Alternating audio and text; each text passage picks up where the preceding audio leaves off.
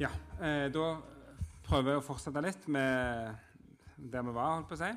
Eh, altså Tredje Mosebok som begynner med at Gud eh, taler ut ifra Han taler fra helligdommen.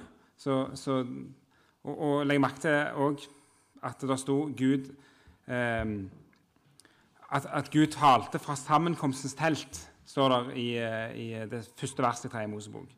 Og, og Det sier òg noe om at det, som er bolig, og som egentlig er meint å være et sammenkomstens telt Når Gud taler, så er det nettopp, da brukes begrepet sammenkomstens telt. Jeg tror ikke det er tilfeldig. Jeg tror det er for å nettopp få fram at det er dette som er målet. At dette skal være et sammenkomstens telt. Og Så taler Gud ut ifra det, og så er det nå for å gi eh, en vei inn til hvordan Israelsfolket kan få være i hans nærhet. Eh, og, og, da er Det altså det, det, første elementet som står eh, langs veien inn, eh, og, og, som vi skal bruke eller rette oppmerksomheten imot, det er altså da alteret.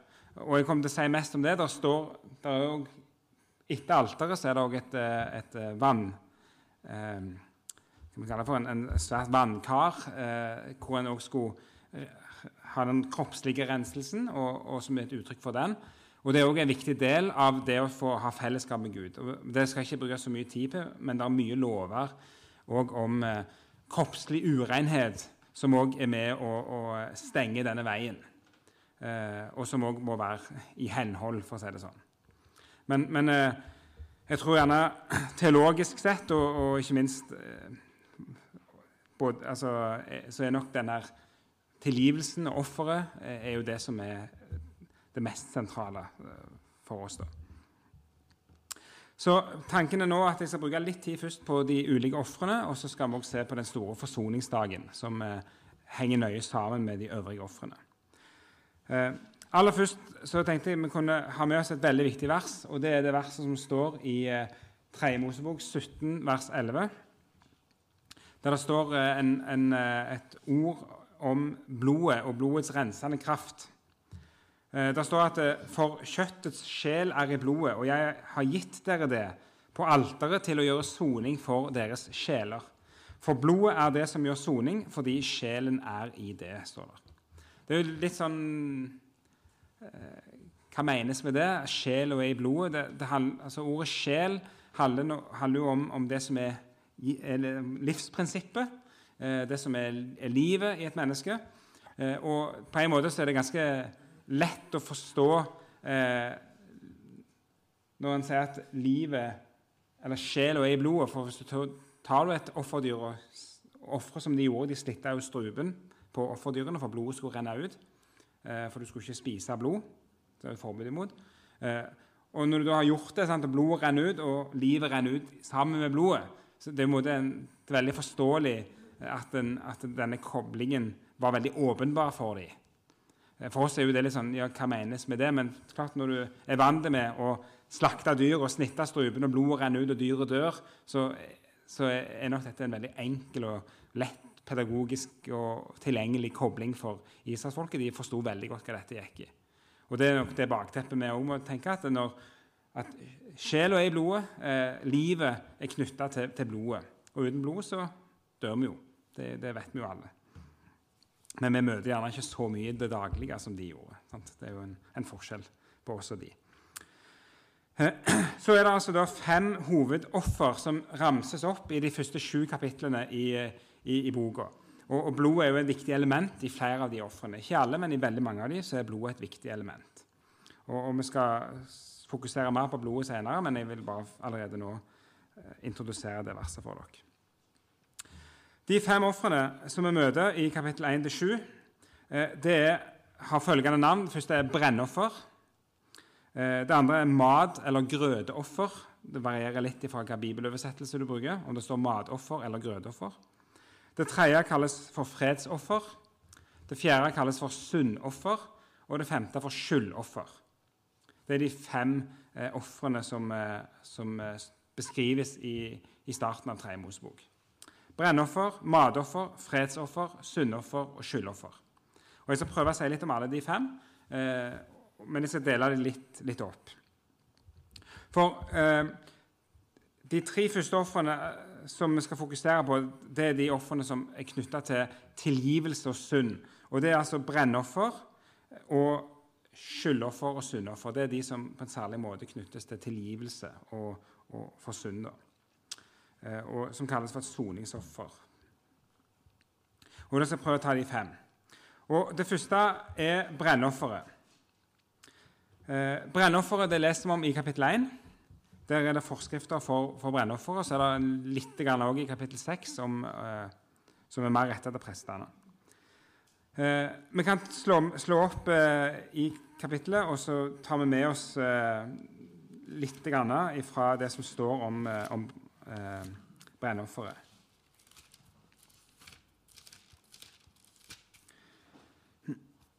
Det står som følger fra vers 2, 3 og 4. kan vi ta.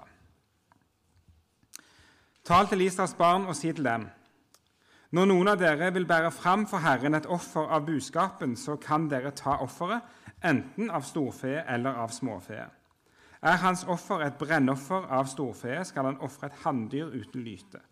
Han skal føre det fram til inngangen til sammenkomstens telt, for at han kan være til velbehag for Herrens åsyn. Og han skal legge hånden på brennofferets hode, så vil Herren ha velbehag i det, og la det bli til soning for, eh, for han. Og Så er det videre om slaktingen og parteringen av dyret, og så kulminerer det med at eh, hele offeret eh, skal brennes opp på alteret. Eh, etter de har stenka blodet og, og, og håndtert dyr, dyreskrotten som er blitt slakta, så skal hele, alt skal brennes på alteret. Det er befalingen som, som blir gitt. Så det er det første. Og eh, jeg tror at det, det kan gi en sånn pedagogisk gi mening at vi kan Når vi snakker om brennofferet, tenke oss et personlig bilde. Og Særlig tror jeg det kommer til uttrykk nettopp når, når eh, denne her som skal ofre, kommer og legger hånda si på hodet til dette offerdyret. Eh, så står det ingenting om hva det betyr. Det er litt sånn typisk Mosebok. Det står ofte ikke så mange eh, forklaringer til ting. Men vi vet fra den store forsoningsdagen da, da, det, da skulle begge hendene til presten presses ned på offerdyret, og så var det en overføring som skjedde. Da ble folkets synd lagt på dyret. Så at det, når den som kommer, som har synda, og som skal søke tilgivelse, legger hånda si på dyret, så er det rimelig å se for seg at det har et eller annet med det å gjøre. Det, det får markere at dette dyret går i stedet for meg. Jeg tror det er Så enkelt kan vi si det. Dette dyret går i stedet for meg. Eh, og det offeret en annen side ved offeret som jeg synes er litt spennende å tenke på av og til, er den omkostningen det er. Altså, de skulle ta et av de beste dyrene de hadde, et lydløst, feilfritt dyr. Et hanndyr.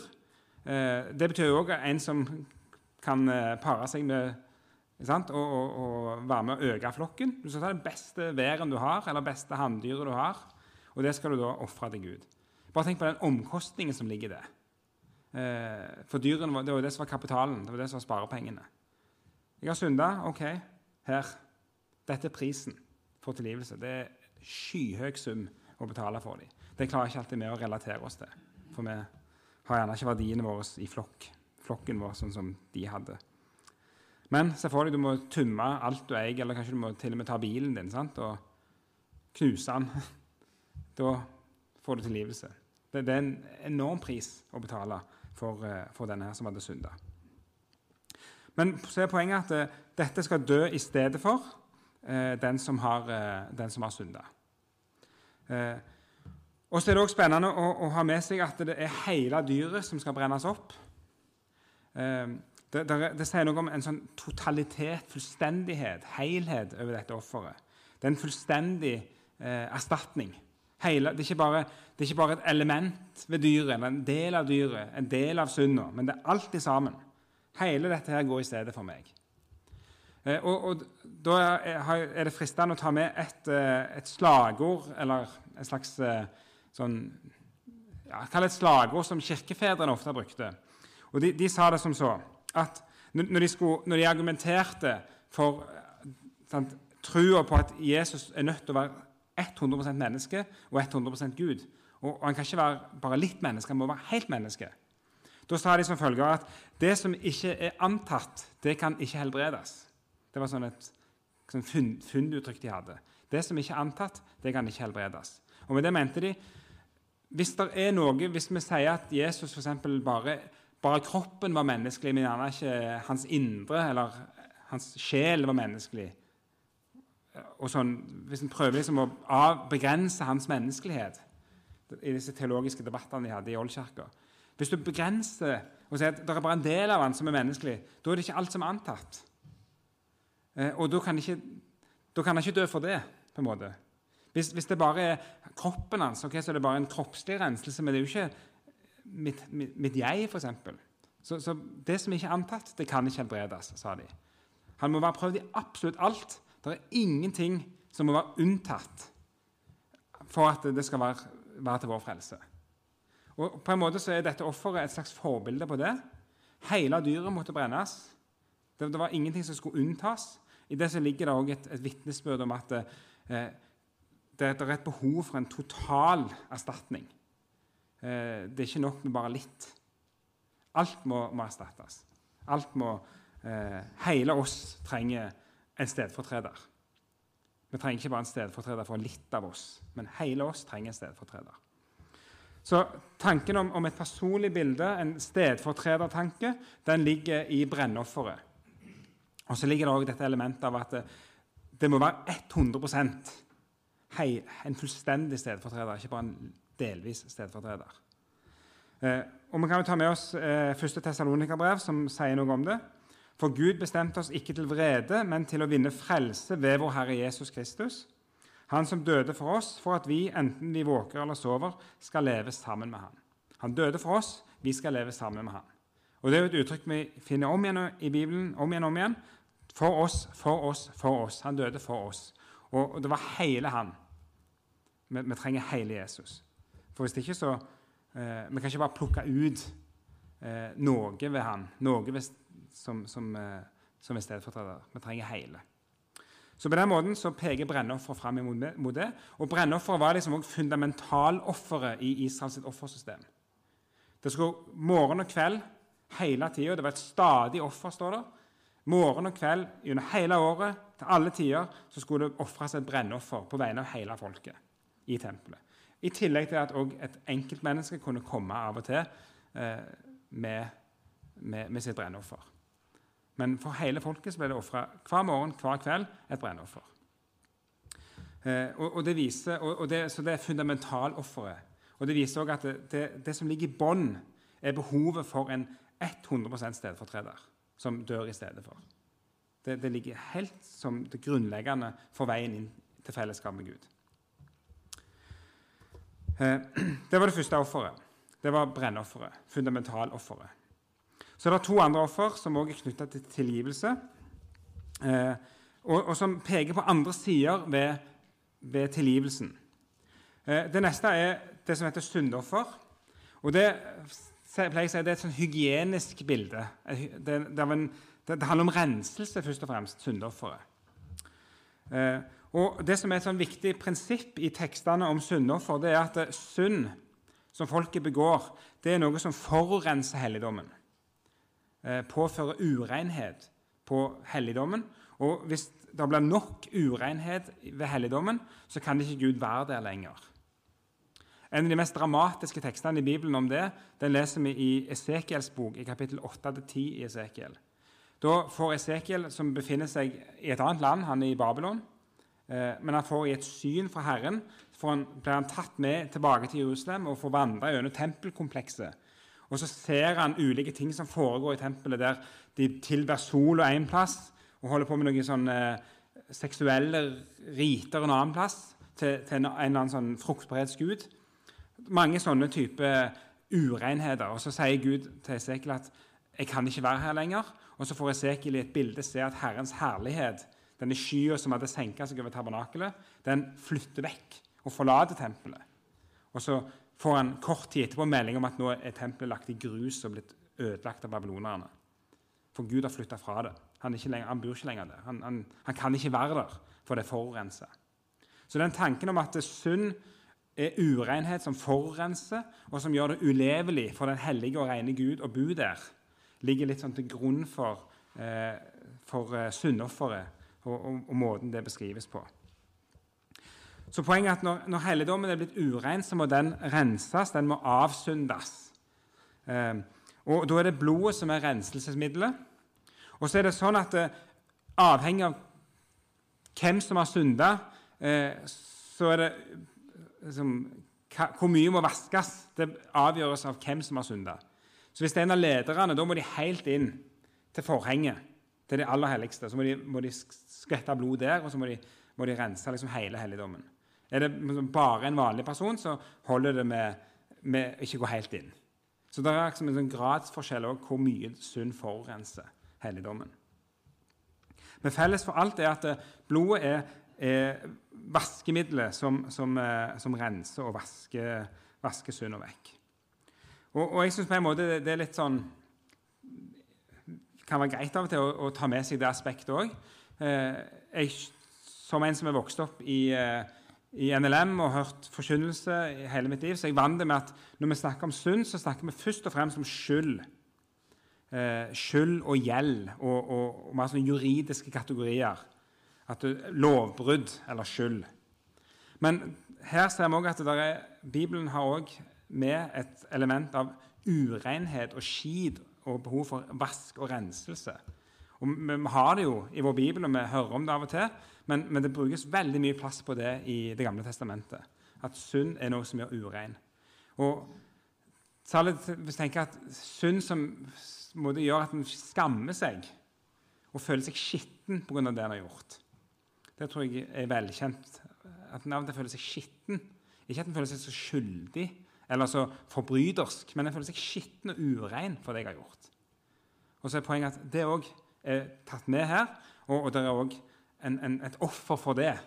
Et renselsesoffer som vasker vekk skiten, og, og, og, som gjør at forurenselsen kan, kan tas vekk. da. Og, Nytestamentet har også med det elementet, eller den, den sida ved tilgivelsen, f.eks. 1. Johannes. Eh, dersom vi vandrer i, lyset lik som han er i lyset, da har vi samfunn med hverandre, og Jesu, hans sønns blod, renser oss fra all synd.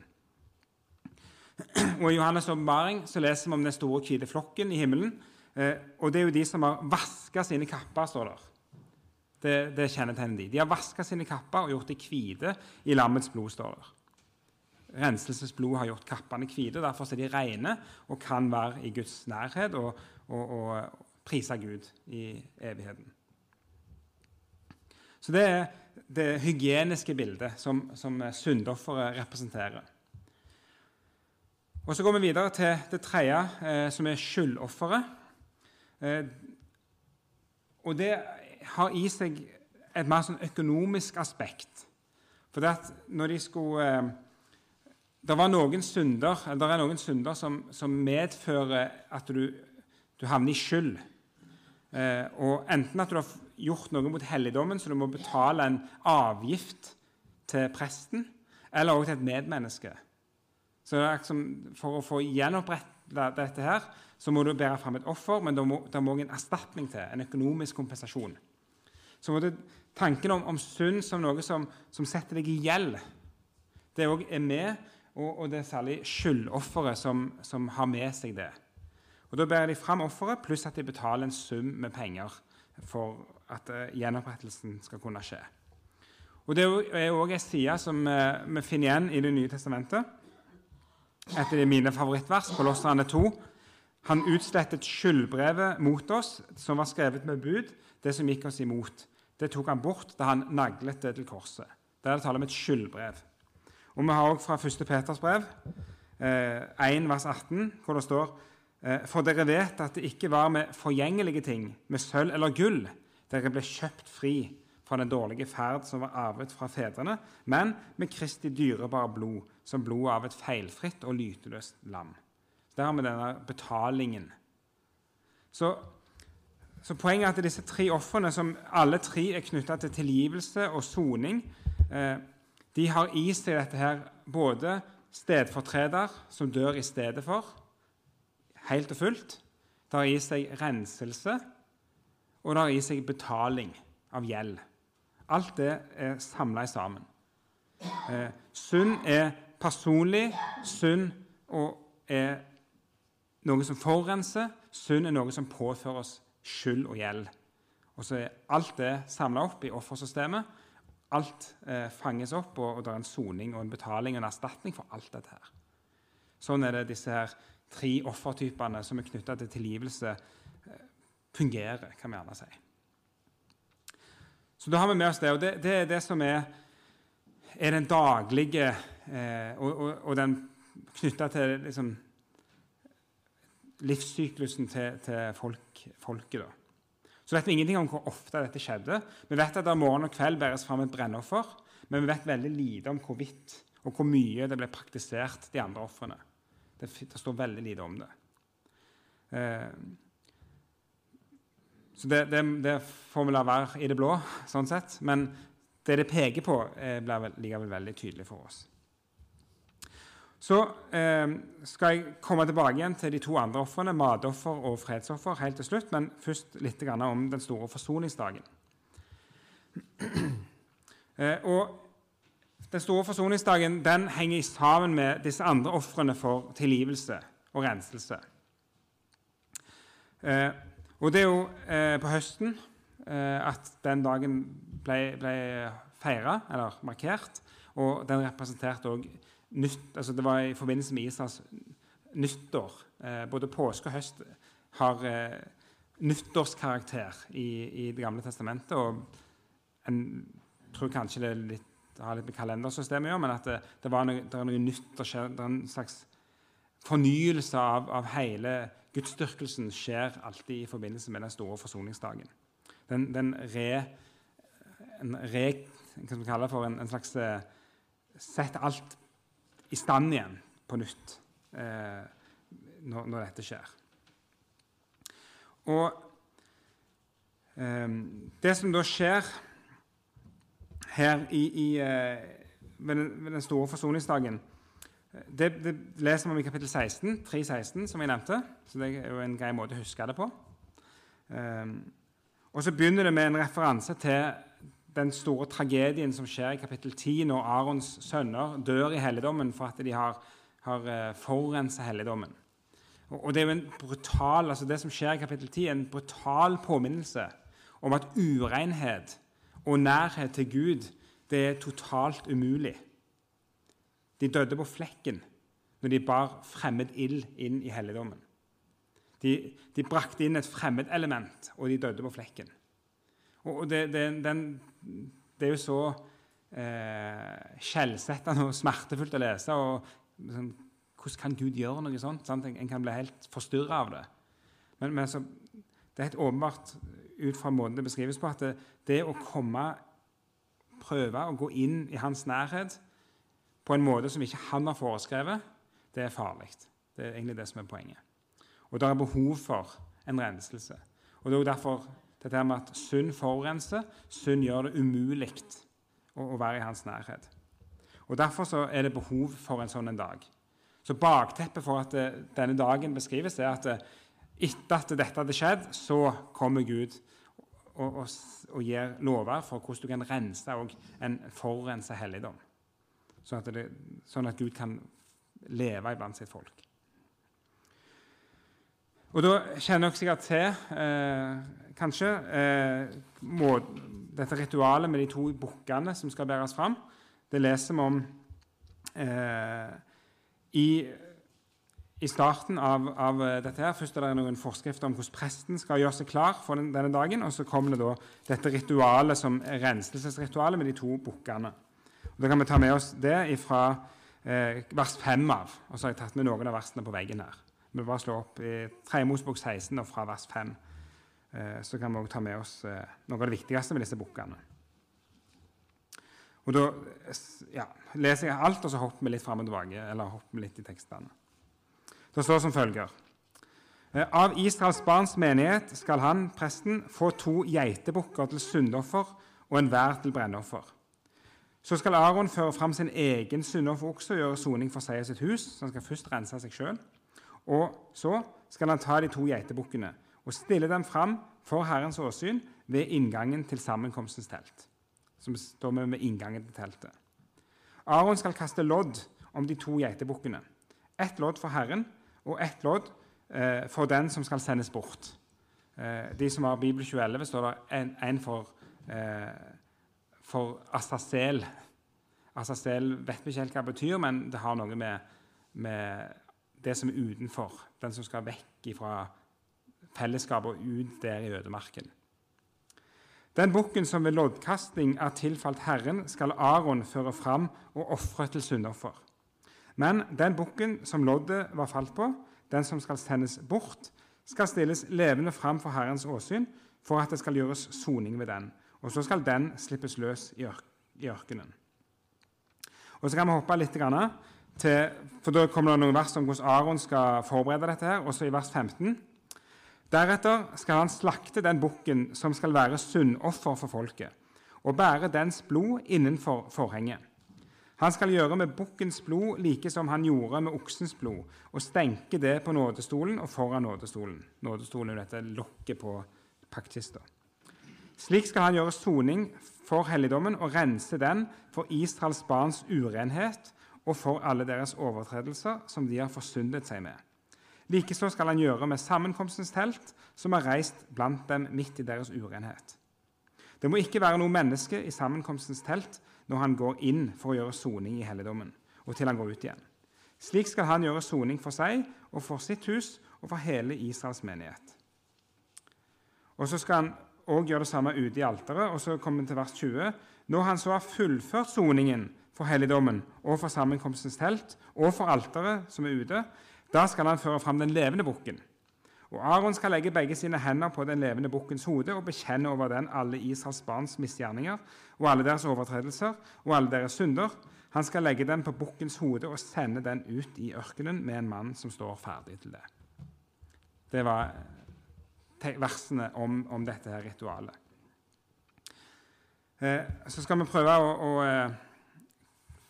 eh, forklare litt nærmere. Det, dette er en, en, en, tekst som hadde trengt gjerne både én og to bibeltimer for seg sjøl, så jeg må prøve å komprimere det litt.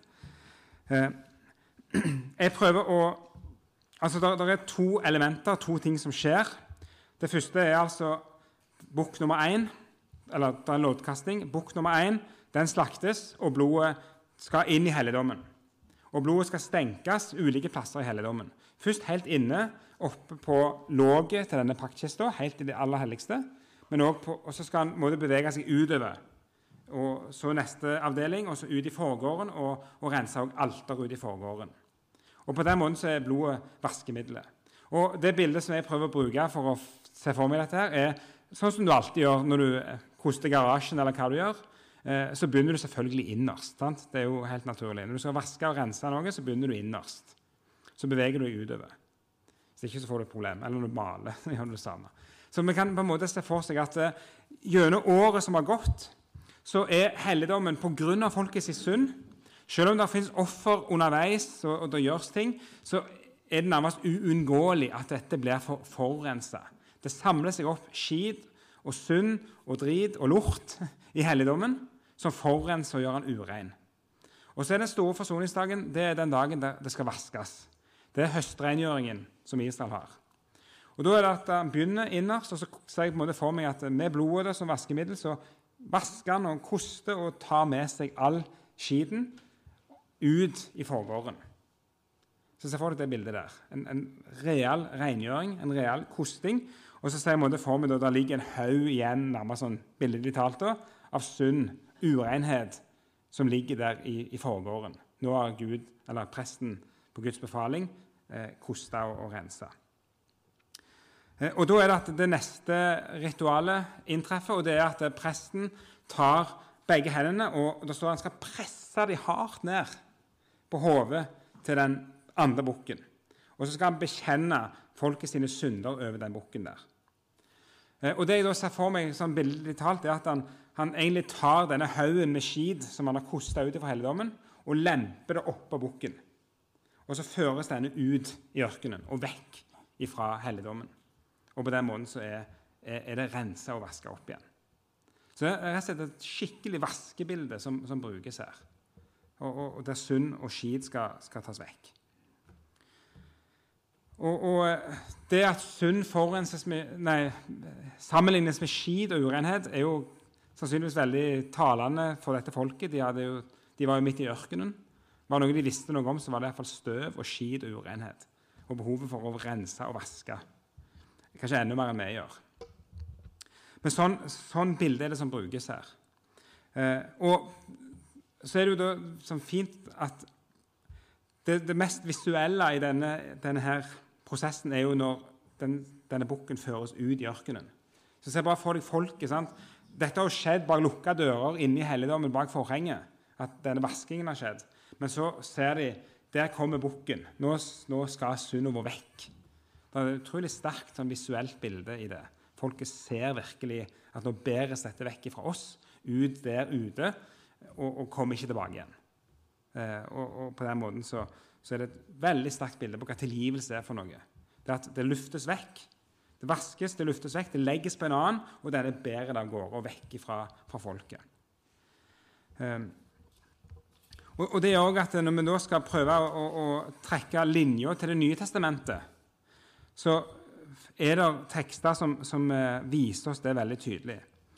Um, og Da kan vi jo begynne med den første. på en måte. Det, det er jo Jesus som er ikke bare øverstepresten som bærer fram blodet, men Jesus er jo også offerdyret. Jesus er jo denne bukken som blir ofra, og hans blod er det blodet som renser helligdommen, den himmelske helligdom, og som gjør at vi kan være i lag med Gud. Eh, og Det er mange tekster, særlig hebreerbrevet. Han trenger ikke, som andre øversteprester, å bære fram offer hver dag, først for sine egne synder og så for folkets. For offeret har han båret fram én gang for alle da han ofret seg selv eller Hebreabrevet 10. Alle prester står daglig og gjør tjeneste og bærer gang på gang fram de samme ofrene, som aldri kan ta bort synder. Men Jesus har for alltid båret fram ett eneste offer for synder og satt seg ved Guds høyre hånd. Der får vi det veldig sterkt sagt. Eh, han er dette offerdyret, og hans blod er det blodet som, som renser sånn. Men så har vi jo en annen tekst som også viser at Jesus er den andre bukken. Eh, og det er jo teksten om Jesu dåp, der leser vi jo at folket kom ut til Johannes i ødemarka. De bekjente sine synder og, og fikk de vaska og ble, ble, tilgitt i Johannesdåpen. Og så er det da at den rene Jesus kommer der og, og, vil bli døpt. Johannes sier men det passer seg jo ikke. Jesus sier jo det må skje. Sånn, kan, sånn oppfylles all rettferdighet, sier Jesus. Og så ble Jesus døpt. Og så leser vi i Johannes 1 at Johannes dagen etterpå sier Jesus se der er Guds lam som bærer bort verdens synd. Og På den måten så ser vi også at eh, Jesus tar på seg den rollen med å være den som bærer vekk verdens synd. Og så går Jesus rett ut i ørkenen for å bli frista. Eh, og på den måten så, så får vi liksom også en slags eh, gjentagelse av det i Jesu gjerning. Så han er på mange måter begge disse bukkene begge de er et forbilde på Jesu gjerning. Både den som vasker, og den som bærer vekk. Sånn at det ikke lenger er noe som er i folkets nærhet, og som eh, skiller folket fra Gud. Så det er en ufattelig visuell måte dette her eh, framstilles på i Tredje Mosebok. Og det gjør at det er et nydelig forbilde på hva synstilgivelse og soning og renselse er for noe. Og det får fram at det, hvor totalomfattende tilgivelsen er. Det, det, er stedfortrederen, det er urenheten, det er gjelda, Eh, og, og han, han, hans blod renser, han bærer det vekk fra oss. Fantastisk sånn visualisering av hva tilgivelse er for noe, og hva Guds, Guds frelse er for noe. Og så er det jo sånn at eh, det er to offer til, så jeg, jeg, må få dra med meg de før jeg skal runde det av. Så dere får smøre dere bitte litt til med tålmodighet eh, og lytte. Eh, det er altså to offer til. og Jeg skal ikke si så mye om de, men, men, jeg skal eh, nevne dem kort. Eh, I tillegg til disse ofrene for synd og tilgivelse så er det et matoffer og det er et fredsoffer. Og Matofferet det var da et offer som, som primært er knytta til takk og lovprisning. Et offer som en bærer fram. Eh, og, og, og eh, det Ordet som er oversatt med matoffer, det er et ord som generelt brukes om det å bære fram en gave til en konge for å gi ære og, og liksom vise en konge at det, Dette skal du få. Jeg ærer deg. Eh, så matofferet kan man si, det er en slags takkoffer, et lovprisningsoffer. Det var det første. det var matofferet. Og så er det et offer som heter fredsoffer. Og Det er primært et fellesskapsoffer, for det var et offer som skulle spises. Det var det eneste offeret som skulle spises av alle. Så både den som kommer med offerdyret, og presten skulle spise i lag av det. Og vi skal huske at Dette var en, dette var en tid hvor det å spise kjøtt det var nok en veldig sjelden foreteelse. Det var ikke det de gjorde oftest og hadde ressurser til. Men da er dette en, så det er en stor fest. Du bærer fram et offer, og du spiser. Og du får spise kjøtt til og med. Så det er en, en, en sånn begeistring knytta til det òg. Og så skulle også noe av dyret brennes. og da kan vi også se for oss det skulle stige opp til Gud. Og så markerer det et fellesskap mellom presten, den som eh, ofrer, og Gud. Og så er det samla rundt alteret og bordet, og, og, og der, der, spises. Så det er et fellesskapsoffer som indikerer at relasjonen er heil. Det er et fredsoffer eller et helhetsoffer. Det er fred og helhet i relasjonen. Det er fellesskap og måltid. Og på den måten så, så indikerer det det. Og det som gjør at, og, så er det også sånn at det, matoffer og fredsoffer det skulle alltid ofres i lag med brennofferet. Og Det også, synes jeg, peker på noe viktig med, med, med vårt fellesskap og vår lovprisning. At eh, i bånn på, på alteret så lå brennofferet, som var et stedfortredende dyr, dyr som dør stedfortredende. Og så oppå det så ligger lovprisningsofferet og, og, og takkeofferet. Og så ligger også fredsofferet og fellesskapsofferet oppå det. Så må det at Vår takk og vår lovprisning, vårt fellesskap, kan, blir visualisert. Grunn, det, det, ligger og hviler oppå eh, stedfortrederen, stedfortrederofferet og, og soningen og tilgivelsen. Og De tre komponentene er det som gjør at eh, dette fellesskapet og denne lovprisningen at dette er som det, som det, skal være. på en måte. Så Det kan vi ta med oss når vi møtes, og nødvendigheten av å møtes. Gleden over å kunne synge sammen og prise Gud sammen. Eh, og så samles vi rundt eh, budskapet om, om, Han som har gått i stedet for oss. Så, så visualiseres også det i måten Israel bar fram sine offer på. Og så tror jeg til slutt vi kan overføre hele dette her systemet eh, på ett ritual som vi praktiserer i dag, og det er nattværen. Der samler vi egentlig opp hele Israels offersystem. Eh, I nattværen der får vi tilgivelsen. I nattværen får vi ta imot blodet som renser. I nattværen får vi ta imot Jesu legeme, som er gitt i stedet for oss, til betaling for vår gjeld, og det blodet som er til renselse for oss. Da har du både brennofferet, og du har syndofferet og du har skyldofferet. Det samles sammen i at vi får ta imot eh, Jesus i nattværen.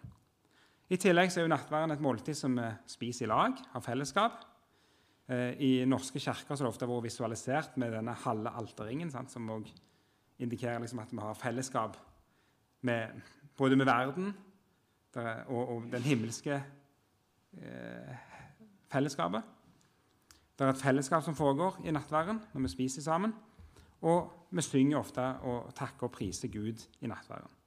Så på mange måter kan vi si at det, Når vi feirer nattverd, så kan vi få lov til tror jeg, å, å ta med oss eh, hele dette her systemet som Israel hadde i 3. Mosebok, med offer for synd og betaling og renselse, med fellesskap og med takk og lovprisning. At alt det samles sammen i, i, når vi har nattverd sammen.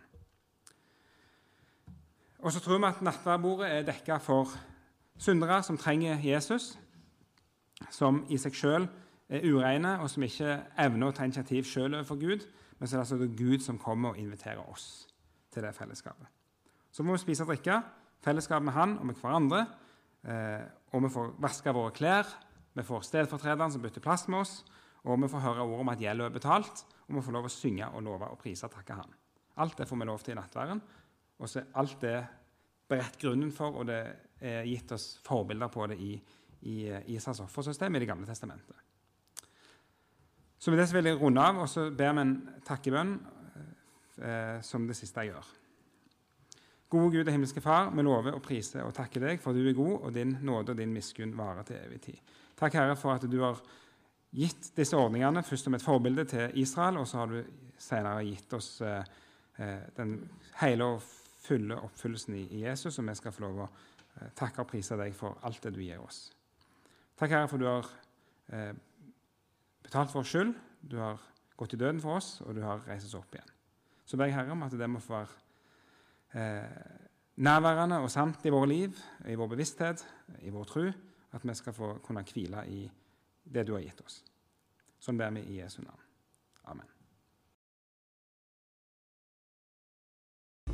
For at du ville lytte til denne podkasten fra Verningen bedehus. For mer informasjon om vår forsamling, besøk vbh.no.